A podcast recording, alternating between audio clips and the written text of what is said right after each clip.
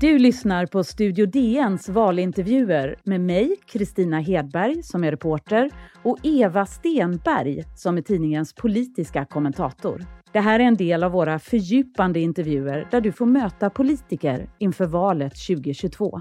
Idag med Reka Tolnaj, ordförande för Centerpartiets ungdomsförbund. Nej men jag råkade försova mig. Eller alltså mitt larm ringde. Problemet var att mitt larm inte ringde. Men nu är du vaken va? Nu är jag vaken.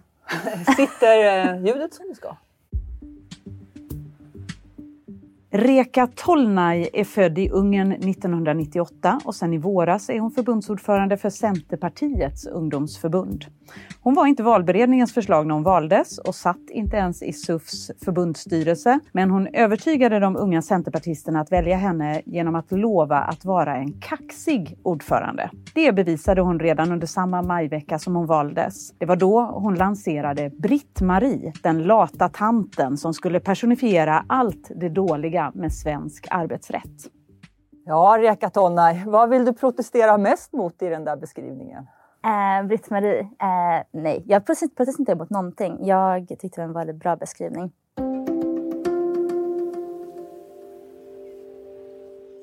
Jag skulle vilja börja med att fråga dig om du skulle kunna med egna ord beskriva det nya läget i svensk politik. Men det handlar mycket om värderingar. Vi har gått in i en politisk fas som, som handlar just om värderingar. Man, Galtanskalan har ju blivit väldigt, väldigt tydlig. Och just värderingskampen eh, definierar mycket svensk politik tror jag. Vilket är på ett sätt bra. Jag tycker värderingar är väldigt viktiga och jag sätter väldigt mycket av mitt politiska engagemang i värderingar också. Men det får inte vara det enda som utgör svensk politik. Vad tycker du står på spel i det här läget då, när det handlar om värderingar? Vilka värderingar är ja, men värderingen öppen... riktigt angelägna för dig? Ja, men det är väl värderingen öppenhet och humanism. Att vi måste komma ihåg att alla människor oberoende ursprung eller bakgrund ska ha rätt att förverkliga sig själva i Sverige. Och det är just de värderingar som står mig så otroligt nära. Ett fritt och öppet Sverige. Ett Sverige som välkomnar och inte stänger in eller stänger in sig. Och jag, jag kan känna att det är mycket vindar som just nu blåses för att, från både socialdemokratiskt men också högerhåll. Att vi måste, Sverige åt svenskarna svenska jobb åt svenskar. Eh, vi ska liksom stänga in oss, vi ska inte ta lika stor eh, del av den här globaliseringen som sker. Vilket jag tycker är jättenegativt för att ett öppet Sverige mår ju bättre. Och jag vill ju se en välkomnande Sverige som, som välkomnar personer oberoende ursprung. Ni var ju emot att Centerpartiet släppte fram Stefan Löfven som statsminister igen efter midsommar och hade hellre sett att eh, Centern gjorde ett försök att skaka liv i borgerligheten. Men hur ska det gå till att skaka liv i borgerligheten när Moderaterna och Kristdemokraterna är så bestämda på att samarbeta med Sverigedemokraterna? Jag tror återigen det handlar om att vara ärliga med dem och prata om realiteten. Ulf Kristersson fick ju sonderingsuppdraget. Han lyckades inte. Vad CUs linje är och vad vi har också hållit fast vid förtroenderådet är att man ska erbjuda samma möjlighet till både Socialdemokraterna och Moderaterna med en tydlig kravlista. Om det här vill vi ha, så röstar vi på er. Och den som nappar först och den som nappar bäst ska få vårt stöd. Om, det, om Ulf Kristersson nappar först och bäst, mm. går ni med på det då, även om det innebär att Jimmy Åkesson kommer att sitta med i den båten? Nej, vad vi, en av våra tydliga krav som då eh, Ulf Kristersson måste gå med på är att Sverigedemokraterna inte får rejält inflytande. Det är en av våra tydliga krav och det måste Ulf Kristersson gå med på och svara upp till, annars får inte han vårt stöd. Men är det inte uppenbart att, att Ulf Kristersson har valt Sverigedemokraterna istället för Centern? Man, man hör ju tongångarna mot Centern från många borgerliga. Det är ju inte så att de lever kvar i alliansdrömmen längre i Moderaterna och Kristdemokraterna. Nej, de kanske inte lever kvar i alliansdrömmen men sanningen är ju att utan Centerpartiet så blir inte Ulf Kristersson statsminister. Och den realiteten måste han ta hänsyn till och den realiteten vägrar han inse. Vilket är ett jättestort problem. För att han fick ju sonderingsuppdraget. Han insåg att han inte lyckas bilda regering med bara Kristdemokraterna, Liberalerna Sverigedemokraterna. Så nu har han ju kortet. Vi har sagt vad vi vill ha. Andra partier har sagt vad de vill ha. Om han vill ha Centerpartiets stöd så får han leverera.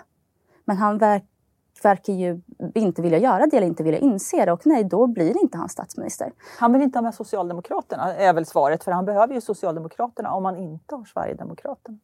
Och det gör ju ni också då. Politik i dagsläget handlar så pass mycket om, om kompromisser och förhandlingsvilja och förhandlingsskicklighet tror jag. Och det handlar om, och det har Socialdemokraterna insett, De har ju förhandlat januariavtalet. De har gett Centerpartiet mycket.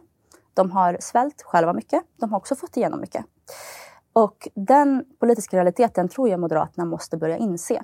För de är fortfarande fast otroligt mycket i det här, i det här blockpolitiken. Att så här, nej men det här är inte ge och ta. Det här är att så här, stötta oss så genomför vi vår politik. Svensk politik idag är jättemycket ge och ta. Och jag tror det är mycket möjligt. Politisk skicklighet har Moderaterna att kunna genomföra det här, att kunna balansera ut det.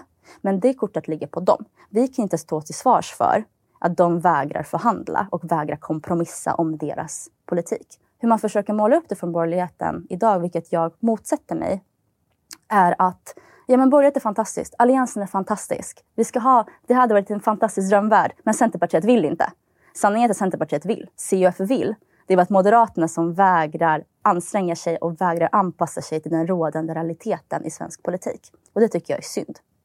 En profilfråga för dig själv men också för Centerns ungdomsförbund har varit migrationspolitiken där ni förespråkar fri rörlighet, att det är viktigare än nationsgränser, står det i ert program. Hur lätt är det att arbeta för den linjen i dagsläget? Det är inte lätt, men det är också mycket mer komplext. För CUF är ju för fri rörlighet. Det är ju förutsättning till att folk faktiskt kommer in i vårt samhälle.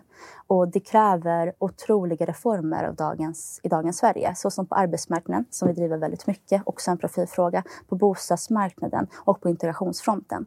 Människor ska ha rätt rätten att kunna komma till Sverige. Men då ska de också klara av att integreras och då måste vi skapa ett samhälle som klarar av integration. Att folk kommer ut i arbetsmarknaden. För vi kan inte ha en situation där arbetslösheten för utlandsfödda är dubbelt så hög som för inlandsfödda. Men att driva det då samtidigt som du säger att du skulle vilja ha tillbaka ett allianssamarbete. Hur ska det gå till när de andra allianspartierna absolut inte vill ha den där? Det första steget får ju bli att men då reformerar vi arbetsmarknaden. Då ser vi till att reformera integrationsprocessen. Då ser vi till att människor som redan är här ska komma ut i arbete och, och komma in i samhället. Och vi bryter den här utanförskapen som drabbar så otroligt många Så du menar människor. att först när man har ordnat det kan man öppna för fri invandring? Nej, är Sverige man... idag inte moget för den idén? Sanningen är ju att Sverige tar inte emot så pass många människor och vi tar emot dem som verkligen behöver hjälp. För att man pratar ju aldrig om arbetskraftsinvandring eh, när det kommer till att belasta samhället. För de personerna anser man ju kommer hit och gör rätt för sig. Man pratar ju när, när Jimmy Åkesson eller Kristersson pratar om belastning för Sverige, pratar man ju om asylinvandring eller asylmottagande. Och det är människor som flyr. Det är människor som behöver hjälp. Människor som kvalificeras för att få asyl och det får man inte glömma bort. Och vi kan inte gå ifrån den medmänskligheten. Man kan kombinera medmänsklighet med nödvändiga reformer så att personer kommer in i samhället. Och det är jag övertygad om att även gamla allianspartierna som har kvar sin liberala ådra förstår och kommer ihåg. Vi talar med ordföranden för Centerns ungdomsförbund, Reka Tolnaj, och vi ska snart fortsätta med det.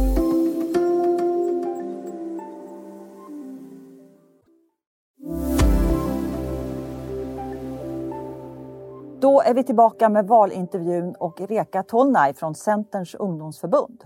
Jag är ganska duktig på att starta Twitterdrev. Jag vet inte hur jag gör det. Det blir så ändå. Jag är van vid att folk är arga på mig, sa du i en intervju med Svenska Dagbladet för en tid sedan. Hur blev du van vid det?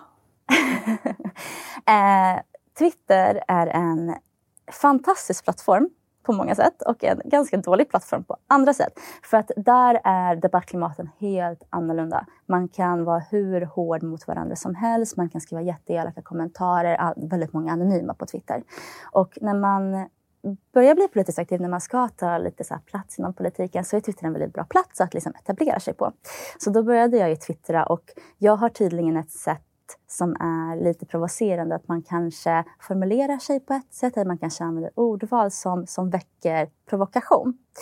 Och det här med Twitterdrev så, så blir det ju ganska mycket så, för det är väldigt många som kommenterar, väldigt många som kommenterar anonymt eh, och väldigt många som använder ganska elaka ord också. Så man blir till slut väldigt van med det politiska klimatet. Sen på det så är man ju också centerpartist. Och ifall man är centerpartist i dagens politiska klimat, speciellt på sociala medier, så blir man slagen från alla håll.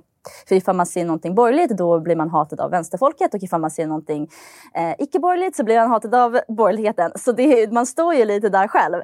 Så man blir väldigt van med att bli ifrågasatt och helt enkelt skälld på. Du gjorde ett frontalangrepp som vi nämnde här i början av podden på svensk arbetsrätt du skrev så här på Twitter. Vi kan inte ha en lagstiftning som skyddar Britt-Marie, 45, som har suttit kvar i fikarummet i flera år istället för hårt arbetande unga. Om jag minns rätt så kallar du väl också LAS för en jävla sosselag eller mm. någonting sånt? Det gjorde jag. Eh, och sen blev det en storm av kritik och en flod av uppmärksamhet utav det här. Blev det som du ville? Jag var väldigt glad för att vi fick upp arbetsrätt på tapeten. För att alla pratade om svensk arbetsrätt i en veckas tid, vilket jag tycker är jättebra. För att vi måste börja prata om det, vi måste börja diskutera bristerna med arbetsrätt och svensk arbetsmarknad. Det är synd att vi inte fick prata sakförslag. Vad vill CUF göra istället? Börja diskutera negativa effekterna som turordningsreglerna har. Börja prata om, är glas verkligen det enda rätta eller kan vi hitta en bättre lösning som är mer anpassad för dagens arbetsmarknad? Så om du skulle göra om det här, hur skulle du göra det då? Jag skulle behålla tonaliteten. För att sanningen är att ifall du inte har en viss tonalitet, ifall du inte når igenom mediebruset, då blir det ingenting. Och då får man inte heller en positiv effekt att man börjar prata om det. Men jag skulle vara ännu mer på i intervjuer och efteråt att prata sakförslag. Och inte låta debatten bli uppäten av ålder. För att nu kände jag att det blev så pass uppäten av ålder att ingen, ingen Britt-Marie är 45. Att inte hoppa på det tåget, inte försvara sig där utan verkligen säga nej, ingen Britt-Marie är 45 men vi måste börja prata om turordningsreglerna. Hur många Britt-Marie hörde av sig till dig? Några. Inte så många, men några. Vi har faktiskt pratat om att skicka blommor till alla Britt-Marie som blev berörda. För att min tanke var ju inte att de ska bli jagade av media, så jag är lite, jag är lite ledsen över det. Jag ber om ursäkt till alla Britt-Marie som lyssnar på det här. Tycker du att man måste hålla samma tempo genom ett helt yrkesliv?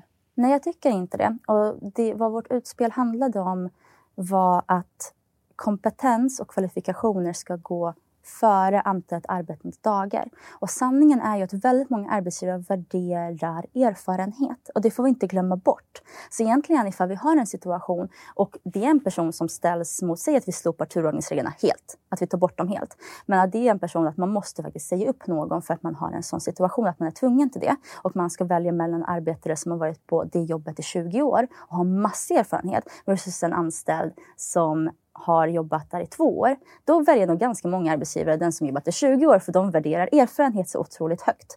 Så den majoriteten av alla fallen så kommer inte Britt-Maries råka illa ut. Men det måste finnas ett system där kvalifikationer går före antalet arbetade dagar. För turordningsreglerna möjliggör inte det just nu. Utan turordningsreglerna innebär att sist in, först ut. Men kvalifikationer finns ju i och för sig med. Att specialistkompetens kan göra att det undantas från turordningsreglerna.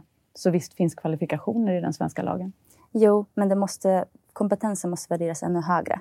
Och ja, vi vill komma åt just det här tidsperspektivet. För att i min värld så går det inte ihop att man värderar tid före individen. Hur ser men... du på din generations arbetsvilja och eh, pliktkänsla? Jag tror att väldigt många unga vill verkligen göra rätt för sig, har verkligen mycket idéer, vill verkligen reformera sina, sina arbetsplatser. Även om det är bara små kontor eller ett industri eller, eller på landsbygden, så kommer med nya idéer, fått nya intryck, kanske har fått inspiration från andra länder eller andra företag, men blir hämmade och tystade för att nej men så har vi alltid har gjort och så ska vi fortsätta göra. Så din idé kanske är jättebra, men du får inte få uttryck för det för att nej men slutet tar så mycket plats för att när du har jobbat här i 40 år då kommer du veta. Och jag säger inte att man inte vet, man lär sig jättemycket under 40 år. Jag har otroligt mycket respekt för det. Men jag tror att min generation känner ett behov att komma till tals och vill verkligen göra det och visa att de vill göra rätt för sig och inte bara vill vara curlade. Du har ju gått ut hårt som sagt då för att avskaffa LAS men ändå så föreslår inte CUF att Centern ska börja driva det här kravet i den kommande valrörelsen. I era motioner så har ni betydligt mer begränsade krav. Eh, har du inte ungdomsförbundet bakom dig i den här striden mot Britt-Marie? Jo, det har jag. Eh, vi har ju politik på att vi ska avskaffa LAS. För att eh, när det kommer till partipolitik eh, så handlar saker om att ta eh, det är ganska långsamt. Eh, för att man måste ju få igenom saker. Det är en fantastisk demokratisk process. Och för att det ska kunna vara förankrad så kan det inte vara hur radikalt som helst. Och det är därför vi har ungdomsförbund och vi har partier. För partier ska driva lite mer milda saker och så har vi ungdomsförbunden som får vara radikala. Och när det kommer till partistämmor, när det kommer att få igenom politik, då brukar man alltid milda ner, mildra ner sin politik lite för att det lättare ska kunna gå igenom. Medan på ungdomsförbundsnivå kan köra fullt ut radikalt. Så ni skulle aldrig kunna få med er Centern på att avskaffa LAS som du ser det? Jo, eh, om ett tag. Jag tror att det är mycket möjligt eh, att göra det. Men jag tror det kommer ta ta ett litet tag. Hur lång tid kommer det ta om ni inte ens kan lägga fram motionen på ert eget partis Jo, stämma? men Så att vi- säga? Hur vi håller ju tar det på. då att ändra landet? Som sagt, vi håller ju på. Vi, det, är ju, det är en process. Vi har exempelvis ett förslag om att LAS-åldern inte ska spela någon roll. Det är ju ett, det är ju ett sätt att liksom redan då börja peta i lagstiftningen. Och det tar, det tar ett litet tag, men, men det är så det tar tyvärr med politik, att stora förslag måste ta sin tid. Exempelvis det här med att vi driver utsläppsrätter i Europaparlamentet. Det är ett CF-förslag som har kommit, men som tar ett tag att driva igenom för att man ska mjuka upp folk, man ska övertyga folk om att det är rätt. Och det måste tyvärr ta i politik. Du vill ju att Centerpartiet ska ta tydligare ställning för avkriminalisering av eh, narkotika och för det som du kallar en human narkotikapolitik. Hur går det med det tycker du? Vi driver ju på i socialutskottet att det ska vara av- avkriminaliserat. Det, är, det finns faktiskt ett riksdagsbeslut om att vi ska utreda avkriminalisering. Det är Lena Hallengren som vägrar göra det. Varför är det viktigt? Det är för att det handlar om, precis som du sa, en human narkotikapolitik. I dagsläget så har vi den högsta narkotikadödligheten just i Sverige, i hela Europa. Det är flest människor som dör av narkotikamissbruk i vårt land. Och det handlar om att allting är så otroligt kriminaliserat. På vilket sätt räddas man av att det blir tillåtet? Man gör det genom att första steget är att avkriminalisera. Och det innebär att ifall du är missbrukare så får du vård och inte straff. Då blir det också mycket lättare att söka vård ifall du har missbruksbehov. Samma sak som man gör med alkoholmissbruk. Att du kommer inte sättas i fängelse ifall du är alkoholist. Du kommer ju få vård. Samma sak vill vi göra med narkotika. För att i dagsläget, vad dagens lagstiftning leder till att folk inte vågar söka hjälp för de är rädda för konsekvenser de får juridiskt, vilket innebär att de fortsätter, överdose- vilket de fortsätter missbruka och de i sin tur överdoserar, vilket tar människors liv. För statistik visar att det är flest personer som dör i Sverige av narkotikamissbruk. Och ett sätt att komma runt det som Portugal gjorde, som nu Norge också håller på att göra, det är att avkriminalisera i första steget för att människor ska kunna få vård och våga söka vård för sitt missbruksproblematik och inte enbart fortsätta göra det dolda och då eventuellt överdosera. Då menar du avkriminalisera att bruka. Vill du Ja. också avkriminalisera försäljning? Det är nästa steg. Så först Men vill du det? Vill du ta Ja. nästa steg? Vi vill ta nästa steg. Vad är vitsen med det? Droger finns i vårt samhälle. Så vad vi vill göra långsiktigt är att vi vill legalisera droger. Vilket innebär då att vi vill inrätta ett apoteksbaserat eh, system. Att vara licens, att man ska kunna få sälja droger. Olika åldersgränser baserat på, på olika Är det utredningar. inte farligt med alla de där drogerna då? Vad det innebär, varför vi måste göra det, är för att det finns droger i vårt samhälle redan. Människor brukar droger. En av de absolut största inkomstkällorna för gängen är ju droger. Men man tillåter ju inte eller släpper fram allt som finns. Ibland sätter man ju gräns. Det här finns Ja. men vi vill inte ha det. Vapen Ja. finns. Vapen finns, absolut. Det är helt sant. Men vad det, hel, vad det hela leder till är att om man kan kontrollera det genom en legalisering, gör, då kontrollerar du drogförsäljningen. Då kontrollerar du vad som säljs, och kontrollerar vem det säljs till. Ifall du märker att nej, människor börjar missbruka det här, människor börjar på dåligt, då får du vård och inte straff. Alkohol är också dåligt, eller hur? Det är inte som att vi kommer förbjuda alkohol imorgon. Men ifall du är alkoholist, ifall det går överstyr, då får du vård. Samma sak ska gälla även för droger. För det är ett sätt att kontrollera det, ett sätt att föra ut det i ljuset och ett sätt att se till att människor som brukar det ska ju kunna göra det rent och kliniskt och ifall du behöver hjälp så ska du få hjälp.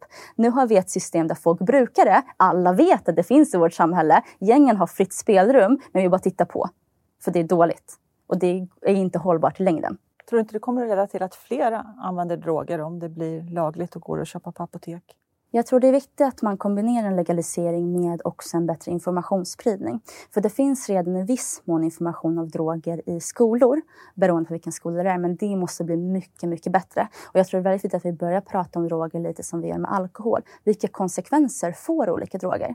Vilka konsekvenser har cannabis? Vilka positiva och vilka negativa konsekvenser har det? Vilka konsekvenser har ecstasy, kokain och så vidare? Och att bilda folket, att utbilda folket att förstå att sen, men ifall du köper det här, ifall du brukar det här så får du de här konsekvenserna. Men ifall du har ett missbruk, ifall du är alkoholist så ska du få hjälp. Och den informationsspridningen måste bli mycket större i vårt samhälle, även när det kommer till droger. Vilka positiva effekter har cannabis? Ja, man blir väl lugn och ja, mår bra, I guess. Vi tänkte avsluta med några snabba frågor som vi skulle vilja att du svarade snabbt och ärligt på. Mhm. Vi ser hur det går. Då ljög jag. eh, jag ljög för min mamma eh, när hon under hela Britt-Marie-grejen och bara så här, men hur mår du egentligen? Är det, här, liksom, är det här lugnt? Och då säger jag, nej men det här är jätteroligt. Det är bara så kul att folk eh, har uppmärksamhet. Jag mådde jättedåligt egentligen. Så då jag. Då blev jag impad av en politisk rival. Jag blev väldigt imponerad av Ebba Busch eh, senaste riksdagstal. Eh, för jag tycker att hon är väldigt duktig på att föra politiken närmare människor och prata på ett sätt som personer förstår. Då levde jag inte som jag lärde. Ja, men det är typ när man... Jag är väldigt, väldigt mycket för arbetslinjen. Så ibland när jag tar ledigt så kan jag känna att så här, nej men nu, nu Reka, nu får du fan skärpa dig. Då tvivlade jag. Eh, 2019, i samband med januariavtalet. Det tyckte jag var väldigt jobbigt. Eh, jag tvivlade väldigt mycket för jag skulle vara centerpartist eller inte. För att jag kände inte att eh, stötta Socialdemokraterna var rätt för Sverige. För att jag tror verkligen på att borgerligheten är det som för Sverige framåt. Tack så mycket Reka Tolvaj för att du tog dig tid och var med i vår podd. Tack så jättemycket. Du har hört Studio DNs valintervjuer med mig, Kristina Hedberg och Eva Stenberg. Producent var Madeleine Longo, exekutiv producent Sabina Marmulakai och ljudtekniker Patrik Miesenberger och Daniel Costantini. Produktionen görs för Podplay av Dagens Nyheter.